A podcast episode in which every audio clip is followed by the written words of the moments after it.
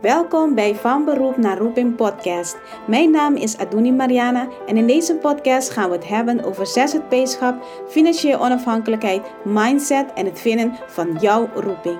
Dit doe ik door het delen van ervaring, interviews en case studies om jou te helpen van je beroep naar jouw roeping te komen. Nou, laten we beginnen.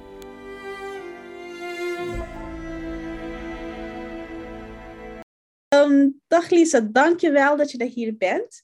Um, ja, ik wil dan meteen beginnen, Lisa. Wie ben je en wat doe je? Nou, allereerst uh, superleuk uh, dat ik hier vandaag mag zijn, te gast in deze podcast. En nou, ik ben dus Lisa, Lisa van Alveken. Ik uh, ben van alles, maar ik zou mezelf kunnen omschrijven als eh, moeder, uh, coach en vooral lefwijf. Dat is uh, echt mijn term en uh, omhelst wel het meeste van wat ik ben en waar ik voor sta, wie ik ben en waar ik voor sta. Yes. En um, wat doe je op dit moment? Want ze 100% lefwijf. En zeker weten, maar daar krijgen we straks meer van te horen. Maar leg uit, wat, wat doe jij als, als beroep of in je onderneming? Um, in mijn onderneming uh, help ik mensen om. Uh, dat zit dus, je hebt een beetje een primeur, een recente switch, maar om het lefwijf in zichzelf te gaan laten stralen. Nou, wat bedoel ik daarmee?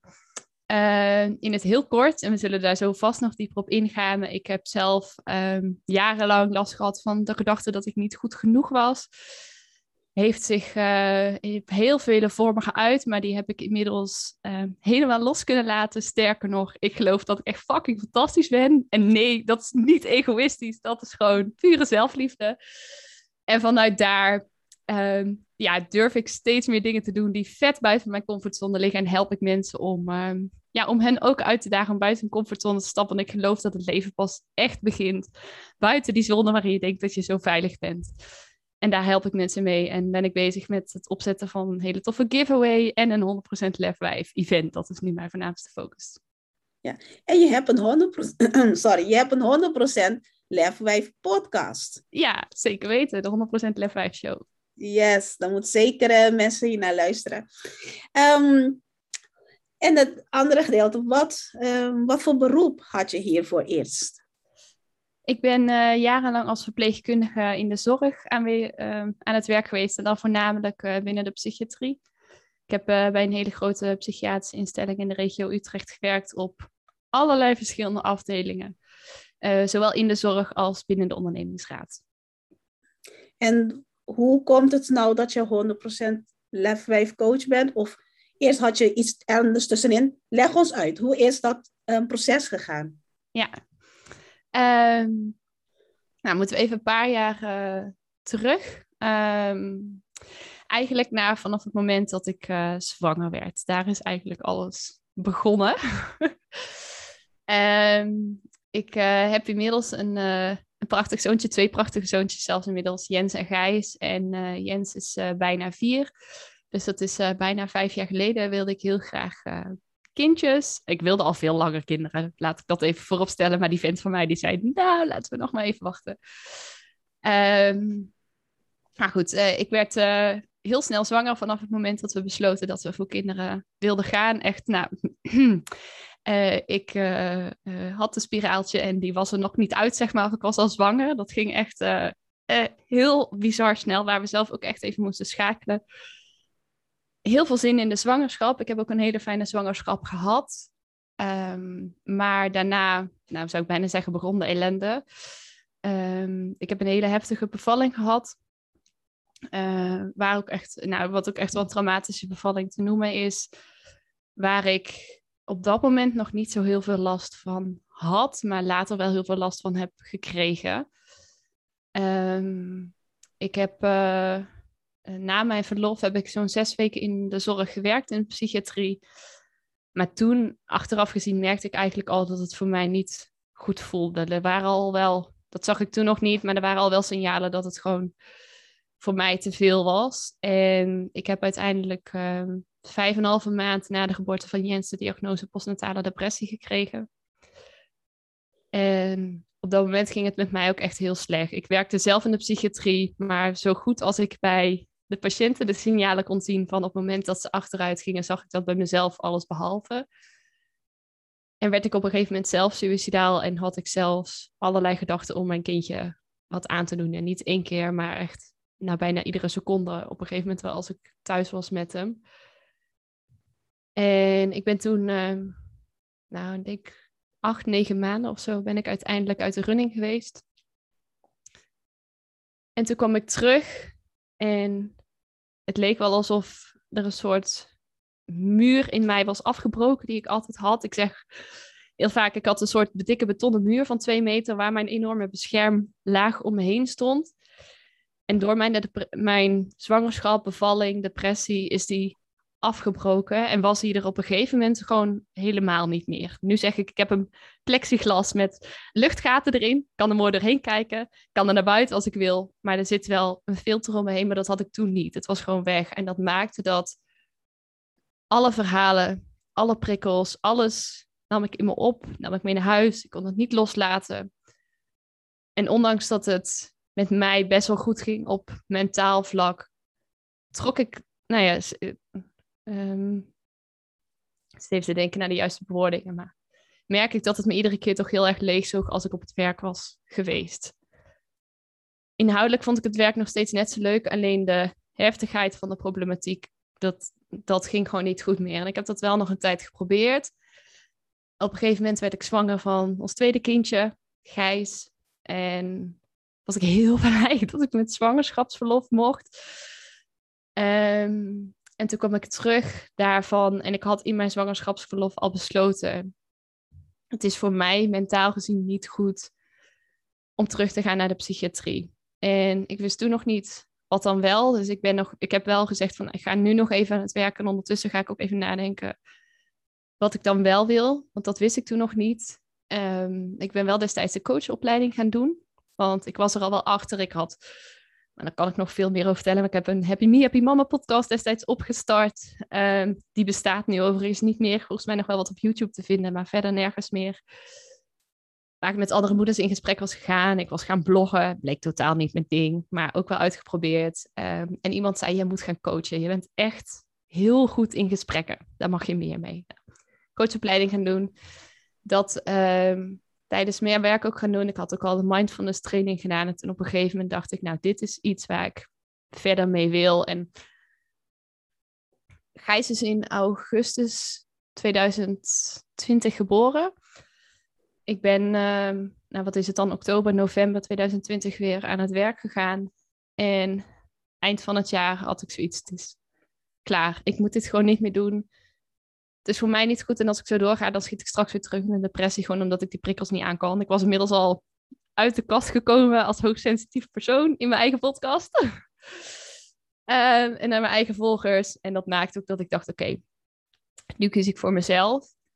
En heb ik besloten genomen om, zonder dat ik nog enig idee had wat ik dan precies ging doen, om mijn baan op te zeggen. En ehm, eind februari 2022 uh, was mijn laatste werkdag. Of 2021, sorry, ik leef al in de toekomst. Uh, was mijn laatste werkdag en uh, heb ik besloten om als coach aan de slag te gaan. En toen nog als perfectionisme coach. Dus dat, uh, ja, dat is in het heel kort is dat het verhaal waarom ik dit ben gaan doen. En uiteindelijk nou heb ik nu dus recent overstap gemaakt van perfectionisme coach naar 100% Lev 5 coach. Yes, yes, yes. En dat klopt ook meer voor de persoon die ik uh, nu ken natuurlijk. Ik ken Lisa vanuit een mastermind groep, zitten we samen. En uh, ja, Lisa die, die komt altijd met de goede ideeën, een goed doorvragen. En ja, super, super.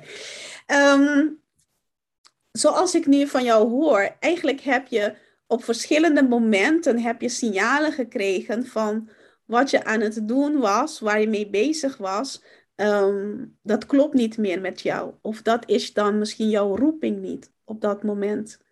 Ehm, maar, wat, maar wat wist je nog niet wat het ging worden? Um, het stukje proces van, ja, je zei inderdaad van, ja, je ging mindfulness dingen doen enzovoort. Hoe heb je dan gekozen voor mindfulness? Voor wat de tool die je dan gebruikt, de middel waardoor je kan komen van waar wat wil ik nou? Hoe heb je daarvoor gekozen? Ja, dan moeten we even terug naar mijn postnatale depressie. Ehm, ik, uh, nou wat ik zei, vijf en een half maand na de geboorte van Jens ben ik daarmee gediagnosticeerd. En dat maakte dat toen eigenlijk mijn eigen reis in persoonlijke ontwikkeling ehm, echt is gestart. Daarvoor had ik daar eigenlijk nog nooit mezelf mee bezig gehouden. Um, en was ik vooral, zoals ik dat zelf heel erg noem, bezig met symptoombestrijding in plaats van aanpakken wat er eigenlijk altijd al zit. Ik ben, vroeger ben ik heel erg gepest bijvoorbeeld. Um, en dat speelde ook heel lang mee in waarom ik deed zoals ik deed, waarom ik het heel belangrijk vond om binnen mijn eigen comfortzone te blijven en veilig te blijven, et cetera. Nou, vanaf het moment dat ik die diagnose kreeg, ben ik, zei ik van, nou, ik ga er alles aan doen. Maakt me niet uit wat, maar ik doe er alles aan om dit gevoel nooit meer te hoeven ervaren. Ik ben toen in eerste instantie gestart met uh, antidepressiva, want dat was gewoon hoog nodig om in leven te blijven, want anders had ik mezelf al lang wat aangedaan. Maar dat heb je uh, dan voorgeschreven door een psychiater? Ja, door, een, ja door, een, door de huisarts toen. Uh, ja. Ja. ja. zodra ik suicidaal werd, zat ik de volgende ochtend om acht uur bij de huisarts. Uh, omdat ik ook wel wist dat dat niet oké okay was. Dus ben ik daar meteen mee aan de slag gegaan. En dat heeft mij vooral geholpen om mijn EMDR aan te kunnen. Ik heb een lang EMDR-traject gehad voor zowel mijn bevalling als hele nare nachtmerries, als nog dingen die we mee hebben gemaakt in de kraamweek. En op een gegeven moment kwam ik op een punt dat uh, de ergste klachten van de depressie weg waren. Maar ik was er nog niet. Um, de EMDR was op een gegeven moment afgelopen en had heel goed geholpen. Maar ik voelde aan alles, ik voel me wel oké, maar het, er moet meer in zitten dan dit. Ik heb me ooit wel eens vrolijker gevoeld. Ik zie hoe andere mensen zich kunnen voelen. En nou, er moet een vast tool zijn waarmee ik daar ook kan gaan komen. Toen ben ik, uh, uh, ik heb me aangemeld volgens mij een keer voor een workshop van Tony Robbins. Ik ben meditaties gaan luisteren. Ik ben bij een mesoloog geweest om te kijken naar mijn hormoonspiegel. En ik ben dus ook uitgekomen op meditaties en mindfulness. En daar heel veel naar gaan luisteren. En dat vond ik zo interessant dat ik op een gegeven moment dacht. Maar dit is leuk. Dat kan ik ook. en oh, als ik dit nou weet toe te passen in mijn werk, dan kan ik andere mensen daar ook nog mee helpen. Dus dat zodoende. Smart. Dan zeg ik meestal heel veel in. Wanneer wij onszelf een beetje al kunnen helpen. Van, oh, dan kan ik het doen voor andere mensen weer om te helpen. Ja, ja precies. Ja. Dus ik dacht, nou, ik ga dat gewoon voorleggen aan uh, mijn werkgever um, of ik die opleiding mag doen. En dat mocht ik. En dat mocht ik. Uh, ik, ik, kreeg uh, de uren en de opleiding helemaal vergoed. Dus dat was echt super fijn. En ik ben dat dus ook toe gaan passen op mijn werk. Ik heb daar ook mindfulness sessies ook gehouden. En dat coachstuk, dat was dus wel echt, ja, los daarvan heb ik met eigen geld en tijd ook gedaan omdat mensen mij aangaven van ja, daar mag je gewoon meer mee. Maar ik had inmiddels al zoveel. Ik ben dan ook echt zo, nou, inmiddels iets minder. Maar ik had toen ook echt, uh, wat ik jou ook wel eens heb horen zeggen, als je ervoor gaat, dan ga je er ook 100% zeg maar voor. Um, dus ik heb me ook volledig gestort op boeken, seminars, uh, masterclasses, alles wat er maar te vinden was, zeg maar, over persoonlijke ontwikkeling. ik zou niet zeggen dat ik alles gedaan heb, maar wel heel erg veel in ieder geval. En ik ben daar gewoon uit gaan pikken wat voor mij werkte, wat bij mij resoneerde en waarvan ik dacht, nou hier, hier kan ik wat mee en daar steeds verder stappen ook in gaan zetten. Ja. ja. Zo, zoals ik hoor, je bent wel altijd in beweging gebleven. Dus ondanks van alle dingen die, die, ja, die gebeuren, ben je in beweging gebleven om te kijken van, hé, hey, wat is het dan? Um, dieper in jouzelf gaan om te kijken van waar zit het? En niet alleen maar aan symptoombestrijding, zeg maar, ook de oorzaak gaan voelen. Ja, ik doe niet meer uh, aan paracetamolbeleid. dat is een goeie. Ja, die term die gebruik ik ook. Nou, ik weet niet of ik die masterclass nu nog ga geven. Nou, het perfectionisme stuk wat meer loslaat. Maar ik heb een masterclass die heet Kik je perfectionisme de deur uit. En daar, uh, daar leg ik dat ook uit. Dat weet, we nemen zo vaak paracetamolletje omdat we hoofdpijn hebben. Zonder te kijken naar, oké, maar waarom heb ik nou eigenlijk hoofdpijn? Heb ik te weinig gedronken? Heb ik slecht geslapen? Heb ik stress? En daar dan vervolgens iets aan te doen. En Tuurlijk kan hoofdpijn of kan die paracetamol je wel even helpen, maar zolang je niks doet aan die onderliggende oorzaak, ja, heb je het over twee weken weer of misschien wel sneller of gaat het vaker terugkomen. Dus ik ben echt zo van ga kijken naar wat eronder zit en ook nou, in de coaching naar dat stuk belemmerende overtuigingen, naar je identiteit. Wat geloof je over jezelf? Als je dat niet weet te shiften, als ik iets heb geleerd over persoonlijke ontwikkeling, is dat het wel. Dan ga je geheid weer tegen dezelfde lamp lopen. En wil je dat niet, dan, ja, dan heb je daar werk op te doen. Inderdaad, inderdaad. Dat is een onderdeel van het proces ook, hè? En, uh, Zeker. Dat merk je nu misschien ook in de ondernemerschap. Dat uh, je moet uit je comfortzone, anders, uh, anders haalt het niet. Ja, ja, en zeker als je verpleegkundige achtergrond hebt en je helemaal nul weet van ondernemerschap. Ja, dan mag je die comfortzone wel heel vaak uit. Ja, dat zeg ik meestal ook tegen de, um, tegen de luisteraars en ook tegen de, de klanten van mij. De ondernemerschap is zo'n versnelde, een versnelde proces van de persoonlijke ontwikkeling. Want uh, telkens kom je weer tegen een andere ding aan. Oké, dit moet weer opgelost worden. Kan niet een paracetamolletje, zeg maar. Maar dat moet weer exact. opgelost worden. Ja, juist, juist. En de 100% lefwijf coach. Ja. Wat moet ik me daarbij voorstellen? Wat, uh, ja. Ja, nou... Humeur, maar... Ja, nee, ik, snap je vraag. Ik ga hem ook toelichten. Um, ik eh, begon te starten, of ik ben gestart als perfectionisme coach. En dat kwam omdat ik dus heel lang de gedachte had, ik ben niet goed genoeg. Nou, dat kwam voort uit mijn eigen perfectionisme. En ik vind perfectionisme echt een hele negatieve eigenschap, in tegenstelling tot wat heel vaak gezegd wordt. Ehm, en ik geloof dat het echt komt vanuit een gebrek aan zelfliefde. En toen dacht ik, marketingtechnisch, hoe kan ik dit in een leuke slogan ook verwoorden, wat ik doe en waar ik voor sta? Toen kwam ik met de slogan van control freak naar lefwijf. Um, omdat dat voor mij twee enorme contrasten uh, zijn. En lefwijf is in mijn ogen iemand die weet wie ze is, die staat voor wat ze doet, die staat voor wie ze is, die stappen zet buiten haar comfortzone, die heel veel van zichzelf houdt, die over zichzelf durft te zeggen dat ze fucking fantastisch is. Die leeft ook in lijn daarmee en die wel angst voelt, maar zich daardoor niet laat tegenhouden. En 100% gaat voor haar eigen dromen, haar eigen idealen, et.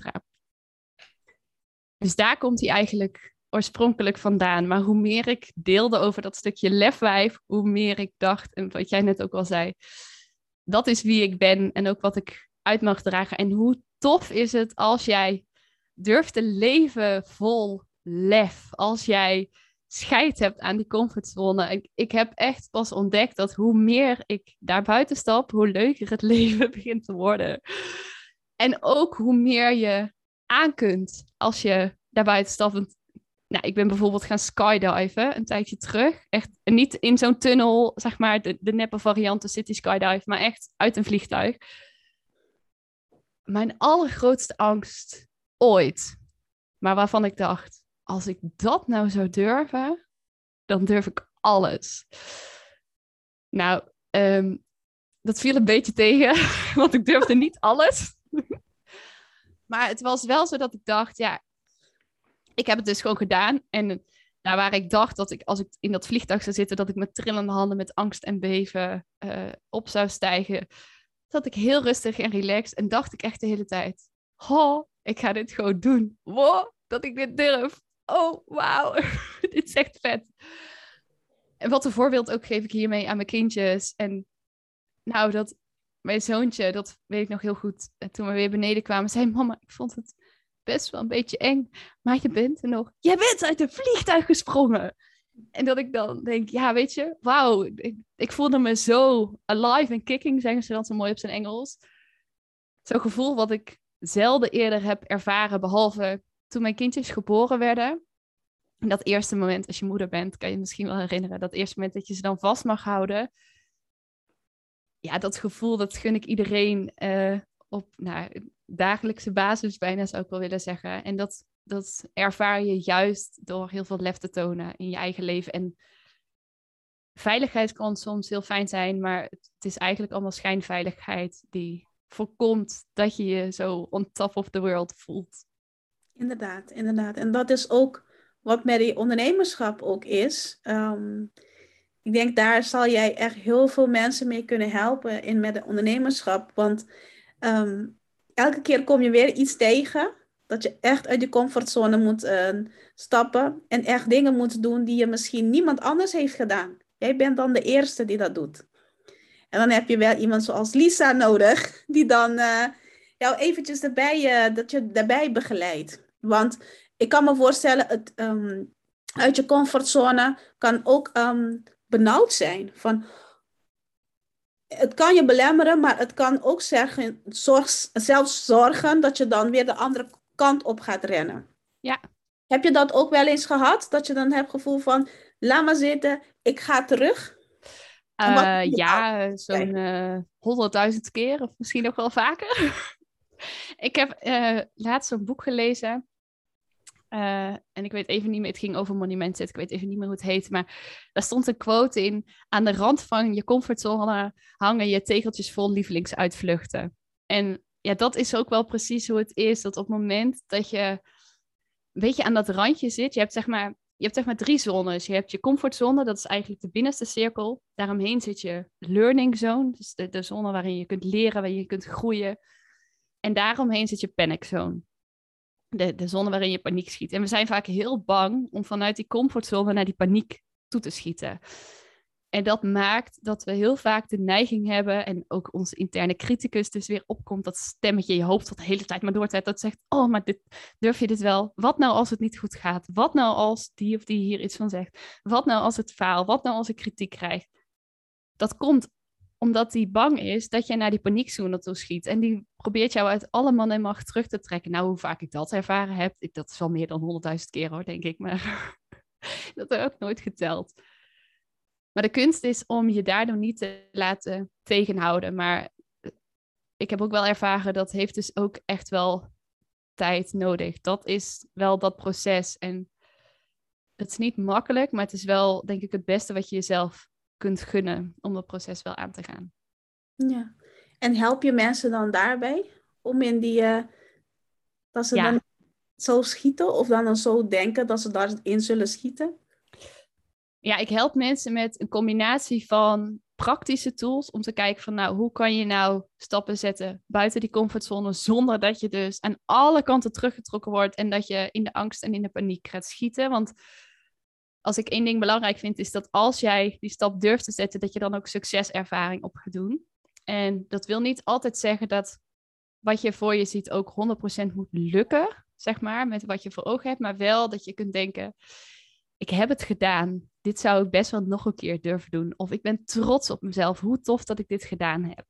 Dat is een succeservaring. En dat maakt ook dat je sneller die stap weer durft te zetten. Op het moment dat jij een faalervaring krijgt, dan wordt die neiging om terug te gaan wordt alleen maar steeds groter. Dus dat werkt averechts. Nou, ik help je met praktische tools, vooral met heel veel vragen stellen, zelfinzicht, maar ook dus echt kijken naar wat maakt nou dat jij jezelf daarin tegenhoudt? Wat zit daar nou onder? ik zei, bij mij was die gedachte heel sterk, ik ben niet goed genoeg. Um, er waren er nog wel meer, maar dat was zeg maar mijn favoriete to go-to gedachten. Dus we hebben allemaal van die favoriete gedachten die ons niet helpen. Maar ook, ja, wat denk je over jezelf? Wat zeg je over jezelf? Wat zeg je over wie jij bent? En daarom vond ik het net wel interessant toen je helemaal aan het begin vroeg van, nou, wie ben jij? Um, ja, daar kan ik inmiddels heel veel over mezelf zeggen. Ik zeg heel vaak, ik ben uh, liefde, kracht, rust en vertrouwen. Dat zijn voor mij een paar hele mooie woorden over van wie ik ben. Maar vroeger zei ik tegen mezelf, nou vaak niet hardop tegen de buitenwereld, want dat zeg je niet. Maar ik zei, ik ben een nietsnut, ik ben waardeloos, ik ben niet goed genoeg, ik mag er niet zijn. Nou, als dat is wie jij gelooft dat je bent, als dat is waarvan jij, uh, het, wat jij constant over jezelf denkt, ja, dan snap ik wel dat je die comfortzone niet uitdurft. Want dat zal alleen nog maar weer bewijs creëren voor waar je al bang voor bent. Dus het is ook echt belangrijk dat je die identiteitsshift maakt. Mhm. Dus met die combinatie help ik mensen. Ik ben en iemand die gewoon rete praktisch jouw schop onder je kont geeft en zegt: En nu ga je, we gaan afspraken maken. Maar ook heel liefdevol met jou meekijkt van: Oké, wat heb jij nodig om die stap te kunnen zetten? En welke overtuigingen mag je daarin shiften? Ja. En eigenlijk stiekem hoor ik dan tussendoor wel de rode draad met jouw achtergrond als uh, psychiatrisch verpleegkundige. Ja, die zit er zeker in. Yes, yes. Zo mooi. Um, zorghart blijft, dat blijft gewoon. En de hulpverlenershart, die blijft ook gewoon zo. Alleen is het een, en een shift van wie je dan helpt, op welke manier. En dat het, het beter bij jou aansluit. Maar eigenlijk de, de kern van wie je bent is natuurlijk, die blijft gewoon wel hetzelfde. Ja, die kern die verandert niet. Ik denk alleen dat die kern steeds meer tot bloei komt, omdat ik het er steeds meer zelf ook durf te laten zijn. En voor mij is dat ook lef, steeds meer durven te laten zien wie je bent. Ongeacht wat anderen daarvan vinden, want ik heb er ook natuurlijk wel negatieve reacties op gehad. Maar ja, ik denk wel dat dat zorgende daar heel erg inderdaad in zit. En ik heb gekozen voor mezelf om ook met een andere doelgroep te werken, omdat ik daar gelukkiger van word. Maar daardoor kan ik hen ook beter helpen. Mhm. En ik denk dat ongeacht of je dus in de zorg werkt of daarbuiten, dat dat ook het belangrijkste is. Dat jij kijkt waar jij je het meest gelukkig bij voelt. Want dat maakt ook dat je, als je een zorghart hebt, anderen ook het beste kunt helpen. Ze zeggen niet voor niks als je in het vliegtuig zit, eerst de zuurstofmasker van de ander. Nou, ik weet dat het echt een super erg cliché is. Ik zal niet vloeken, ik zal me inhouden, want die neiging had ik. Maar het is een mega cliché, maar het is zo waar. En in de zorg hebben we zo de neiging om alleen maar voor anderen te zorgen en daarbij dat zuurstofmasker op te zetten en onszelf te vergeten. Terwijl ja, het werkt echt andersom. Ja, ik heb ineens zo'n zo'n ingeving nu van een licht die steeds ehm, meer kan branden, zeg maar. Dus van dit ja, en dan steeds meer kan, uh, helemaal de licht kan geven ook aan anderen. Maar het is omdat de licht in jouzelf ook aan het groeien is, kan jij ook de licht geven aan een ander, zeg maar, om die ook zijn pad te kunnen volgen. Ja, en je kunt dat licht alleen aan een ander geven, aan een ander laten stralen. Die kan het alleen maar zien ja. als jij het zelf durft te laten stralen. Als je de lamp niet aanzet, dan zal het licht voor de ander ook niet zichtbaar zijn. Nee, nee. En je moet licht hebben om licht te kunnen geven ook. Precies. Ja, ja. Um, ik zeg even als allerlaatste vraag eigenlijk. Nee, nee voorlaatste vraag. Um, wat zijn drie tips dat je aan onze luisteraars kan geven? Oeh, oké. Ehm, ik begin met een hele concrete. Dat is er eentje die ik uh, als perfectionisme coach al meegaf, maar die ongeacht of je daar last van hebt of niet, altijd heel erg helpend is. Wat ik net zei over die comfortzone, die drie zones je de neiging hebt om naar die paniekzone te schieten, wat je kunt doen als jij een droom hebt, als jij een verlangen hebt, als jij weet, nou, dit is de volgende stap die ik wil zetten. Dat je gaat kijken voor jezelf, wat is nou het ergste wat er zou kunnen gebeuren als ik die stap zou zetten? Want heel vaak zijn we bang voor iets maar we eigenlijk niet eens weten waar we exact bang voor zijn. Ik luisterde vanochtend een podcast en dat Iemand zei, ja, dat, van, ik ben bang voor zichtbaarheid. Ja, oké, maar waar ben je dan bang voor? Ben je dan bang voor om in beeld te verschijnen? Ben je bang voor de reacties daarop? Want dan is het niet een angst voor zichtbaarheid, maar de angst voor kritiek. Ben je bang dat je vrienden je ineens niet meer je vrienden willen zijn? Ehm, waar ben je nou eigenlijk bang voor? Dus wat is in jouw hoofd het ergste wat er kan gebeuren? Vervolgens ga je kijken in hoeverre is die kans aanwezig dat dat ook daadwerkelijk gaat gebeuren. En dit mag je zelfs ook gewoon met percentages doen. Dus 0%, nou, uh, zegt heel onwaarschijnlijk dat het gebeurt. En 100% is, nou, de, de kans dat dit gebeurt is, nou, dat weet ik eigenlijk helemaal zeker.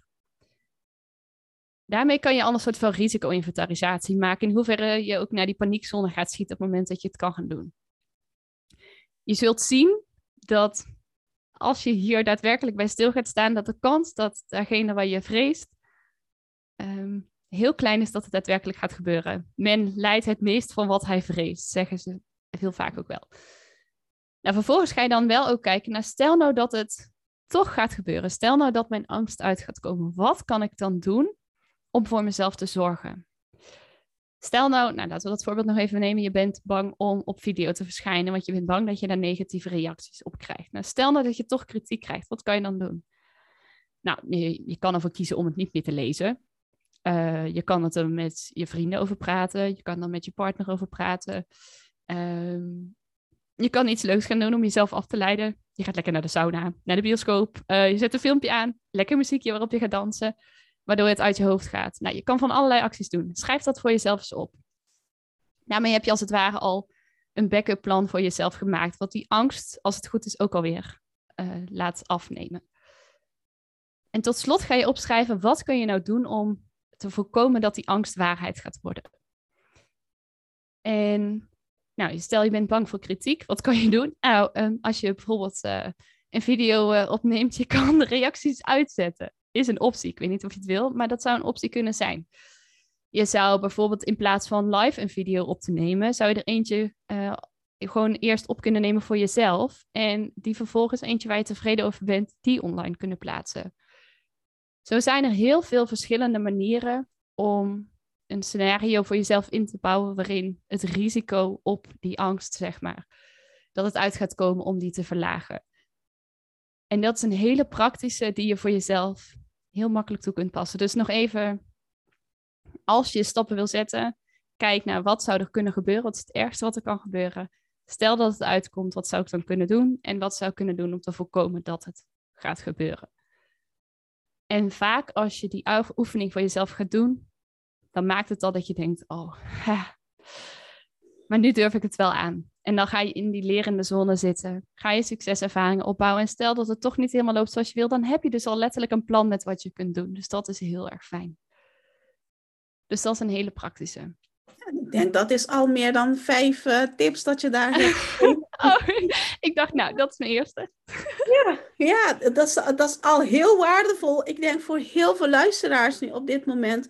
Hoe kan je dan aanpakken op het moment dat je zoiets hebt van... Oké, durf ik het wel, durf ik het niet? Moet ik het risico nemen of niet? Nou, het is een concrete um, oefening eigenlijk dat je kan doen. Nou, ja. Super. ja. Ja, en jij bent van de schemaatjes, hè? Dit kan je heel mooi in een schemaatje uitwerken. Voor ik jezelf. zie het al. Je, je, ik zie het al in een schema. Met die percentages van, uh, van blauw naar rood enzovoort. Ja. Ja, ja, je kan ze zelfs nog categoriseren en zo. Je kan er helemaal, uh, als je bent van de schema's, net als dat nu kan je er helemaal op uitleven. yes, inderdaad. Ja, ja. Um, ik heb ook wel een tweede tip. Die is uh, een stukje kleiner, dus die is wat makkelijker toepasbaar. Wat ik uh, mensen altijd aanraad is, als je het hebt over het licht in jezelf te gaan laten branden of meer te gaan laten schijnen, is dat het allerbelangrijkste dat je in de basis heel goed voor jezelf gaat zorgen. Zeker als zorgverlener, als je al zoveel zorgt voor de ander om je heen, richt die aandacht, die liefdevolle aandacht die je allemaal voor anderen hebt, alsjeblieft eens op jezelf.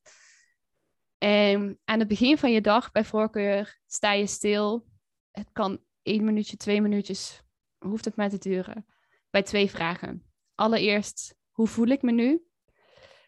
Want we zijn heel goed in emoties signaleren bij anderen, maar wat minder goed in emoties signaleren bij onszelf. Dus hoe voel ik me nu?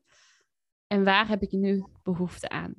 Zodat je echt even gaat kijken, wat is belangrijk voor mij op deze dag? En jezelf dan niet alleen die vraag stellen, maar het ook daadwerkelijk gaan doen.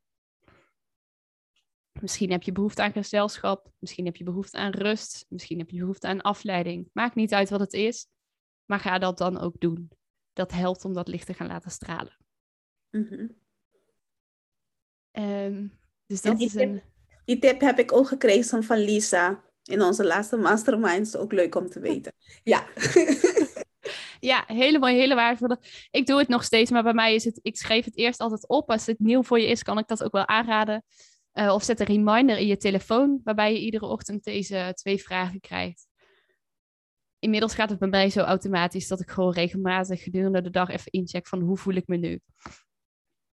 En dan ga ik dus ook gewoon kijken, oké, wat waar heb ik nu behoefte aan? En soms is het ook zo dat je niet direct kan doen waar je behoefte aan hebt. Maar dan ga ik wel kijken, oké, hoe kan ik dat vandaag in de loop van de dag inplannen? Want ja, ik heb ook wel eens gewoon uh, dagen dat ik uh, nou, gefrustreerd word van een coach-cliënt of zo. Maar dan kan ik niet denken, nou, ik heb nu behoefte om deze call af te sluiten.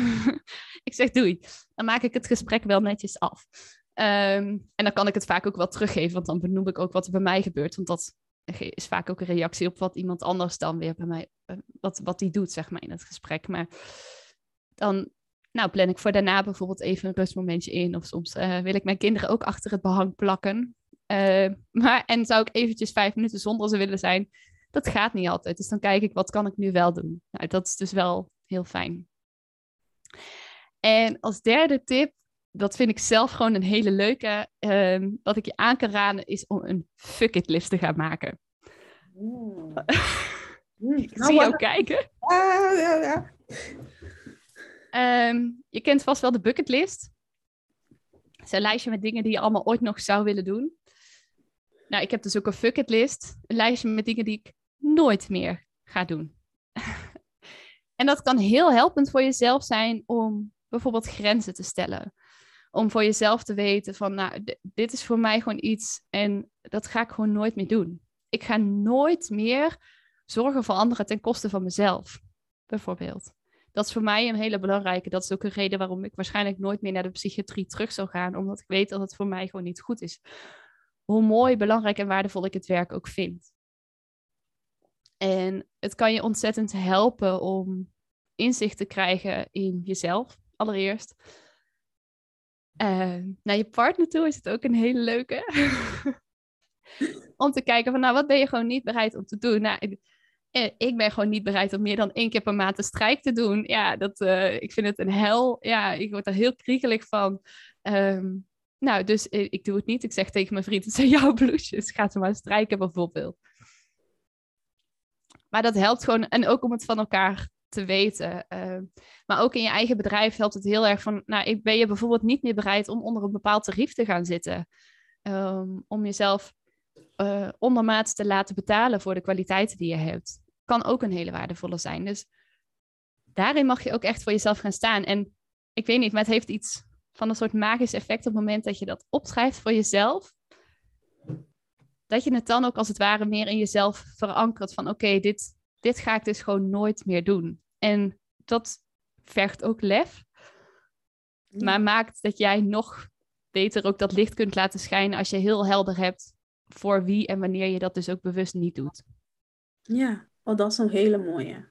Dat is een hele mooie. Die lijst ga ik maken. Zeker weten. Ik ben benieuwd. Ja. Ik, weet, ik heb al zin om nu de pen en papier te pakken om te beginnen. ik heb al vijf in mijn hoofd nou. Ja. Mijn ja. lijst dat ook ga nooit meer bij mijn ouders thuis wonen. Oh ja.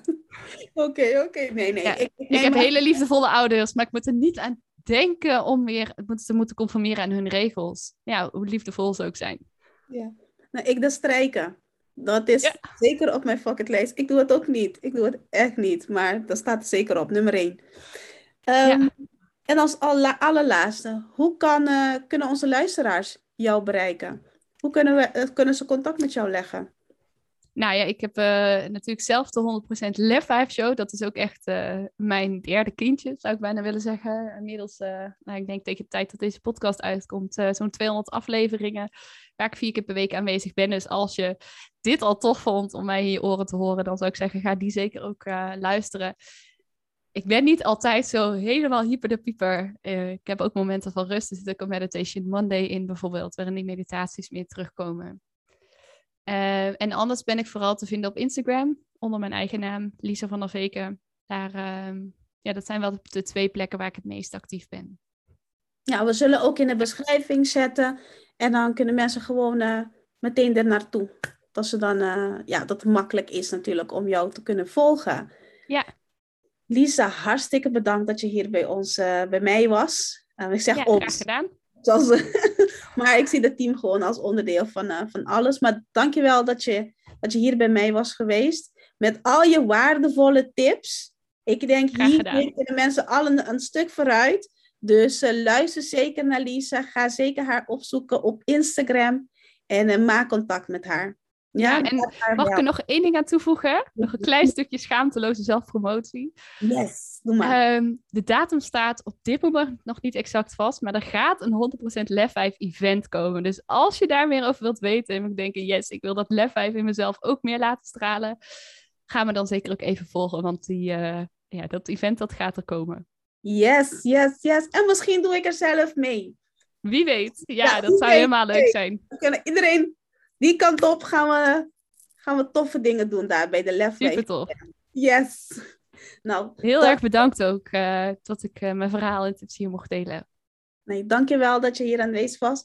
En um, ja, tot ziens en hoors. Dankjewel voor het abonneren op de podcast en luisteren ook naar deze podcast. Um, ben je zelf een zelfstandige in de zorg of een zelfstandige professional, hoeft niet eens in de zorg, en je wilt uh, zelfverzekerd financiële beslissingen nemen, neem contact met me op en boek een gratis oriëntatiegesprek. Nou, wat gaan we in deze oriëntatiegesprek doen? Ehm, we gaan kijken naar waar sta je nu, waar wil je naartoe en wat is je meest logische volgende stap. Je kan ook ehm, in onze gratis Facebookgroep komen voor zelfstandige zorgprofessionals. En daar krijg je dan meer tips en adviezen. En dan ga ik daar elke week ga ik dan live. Alle informatie vind je in de beschrijving met uh, link naar de oriëntatiegesprek, uh, link naar de Facebookgroep en ook de uh, links voor de informatie van, um, ja, van de persoon die we dan hebben geïnterviewd. Nou, tot volgende week.